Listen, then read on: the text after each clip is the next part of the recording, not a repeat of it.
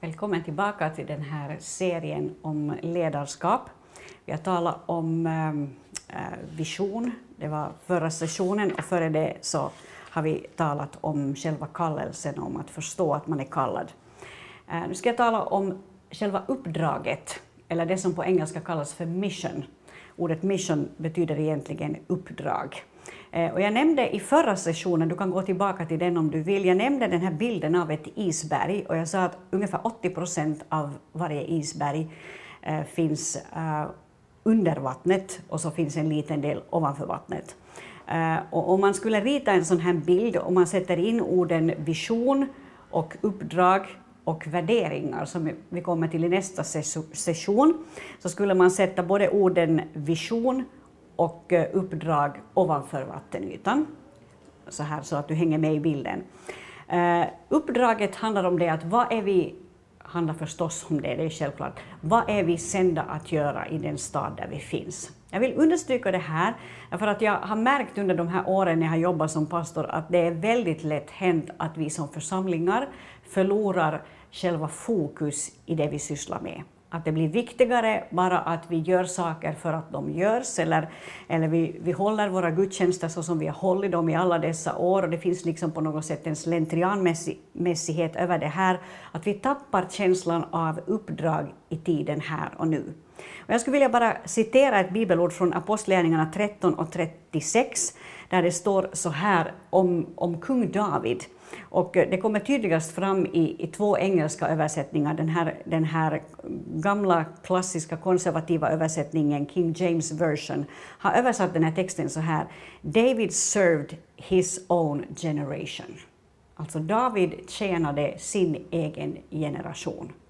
Och det är en bra formulering, det står inte riktigt så på svenska, men det är en bra formulering därför att det säger något om Davids fokus. Davids tanke. Han, hans uppdrag, när vi nu talar om uppdraget, hans mission var att att verka för sin egen generation. Han tänkte inte på framtiden, på alla de som skulle komma efter honom. Han tänkte inte på de som hade varit tidigare. Han tänkte på sin egen generation. Och det här är varje församlings absolut viktigaste fokus. Speciellt alla, alla de församlingar som har friheten att utveckla gudstjänstliv och musikliv och allt sånt här, eh, har fria händer där, där det inte liksom finns en sån här någon lag som säger att en gudstjänst måste se ut på ett visst sätt och, och, och, och, så vidare, utan, utan det finns liksom en frihet att utveckla arbetet, då har vi skyldigheten att verkligen utveckla ett sådant arbete att vi kan tala in i den generation som lever här och nu. Så att när de kommer, att de känner att det här,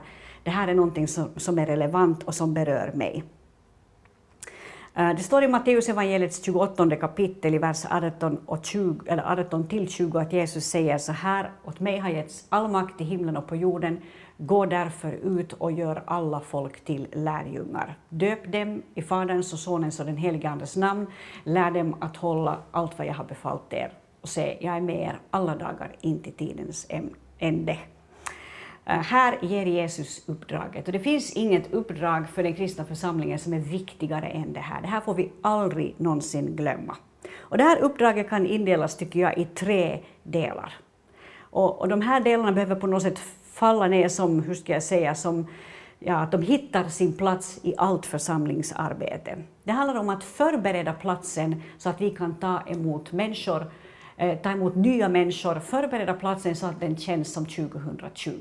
Och här är nog en stor utmaning. Jag vet inte hur många, nu ska jag försöka vara snäll i munnen, men jag vet inte hur många kyrkor jag har kommit in i där det har känts som att nu kom jag in på 1972 eller nu kom jag in på 1996, men jag har inte kommit in på 2020.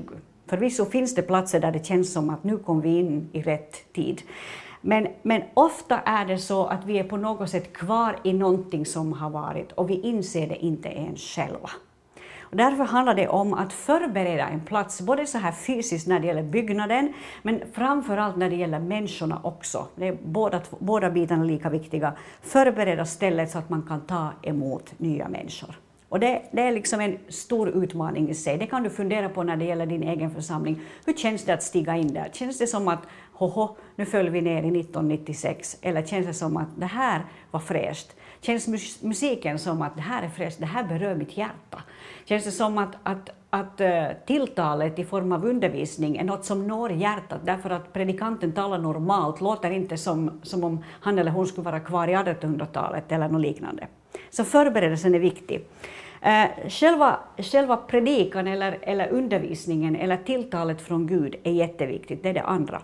Alltså att språket, att sättet att framföra det är någonting som, som också eh, känns som idag och inte som igår. Att det, att det rör därför att det finns liksom en bönens ande som, som svävar, nu låter det konstigt, svävar runt, men liksom som, som bäddar in undervisningen på ett sådant sätt att när undervisningen kommer ut så är det också Guds kraft med i det därför att det finns, en, en, det finns liksom böner som har betts för det här att människor ska få bli berörda. Så att alltså evangeliet som når ut, att det får vara på ett sådant sätt att det, att det är relevant i tiden men att det också är inbäddat i bön. Det tredje som har att göra med, med själva uppdraget det är det att, att, vi, att vi har ett system för hur vi tar hand om människor som kommer till tro. Eh, vad behöver en ny kristen människa få ta del av? Vad behöver han eller hon lära sig? Vad behöver hon få uppleva i en, en, en, eh, i en helt ny miljö när hon kanske har, har gett sitt liv till Jesus i en gudstjänst?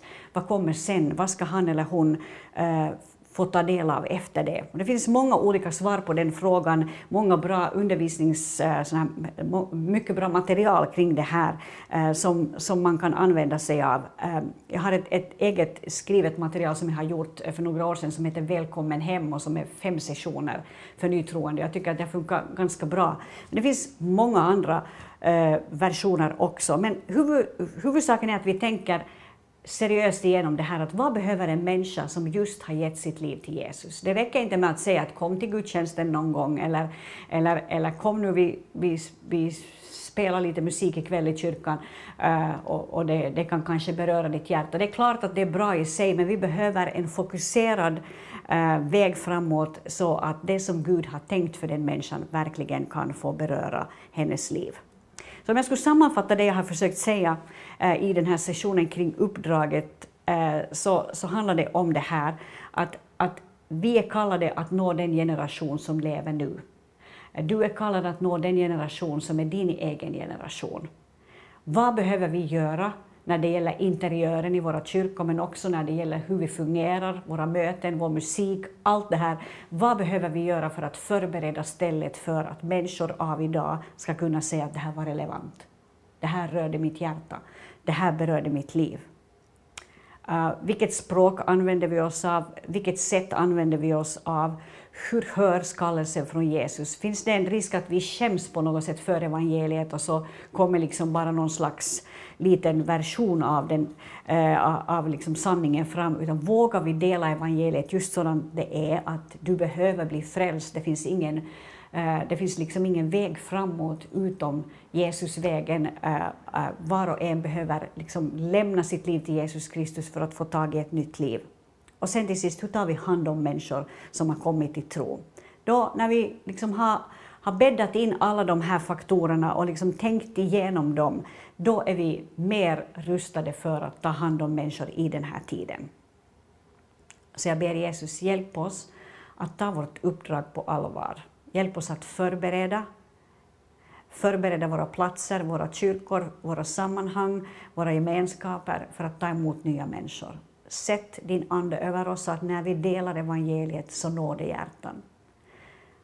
Och ge oss de eh, verktyg vi behöver för att få se nykristna växa upp till sunda varelser som har lärt känna dig och får en egen relation med dig. Det ber vi om Jesus i ditt namn. Amen.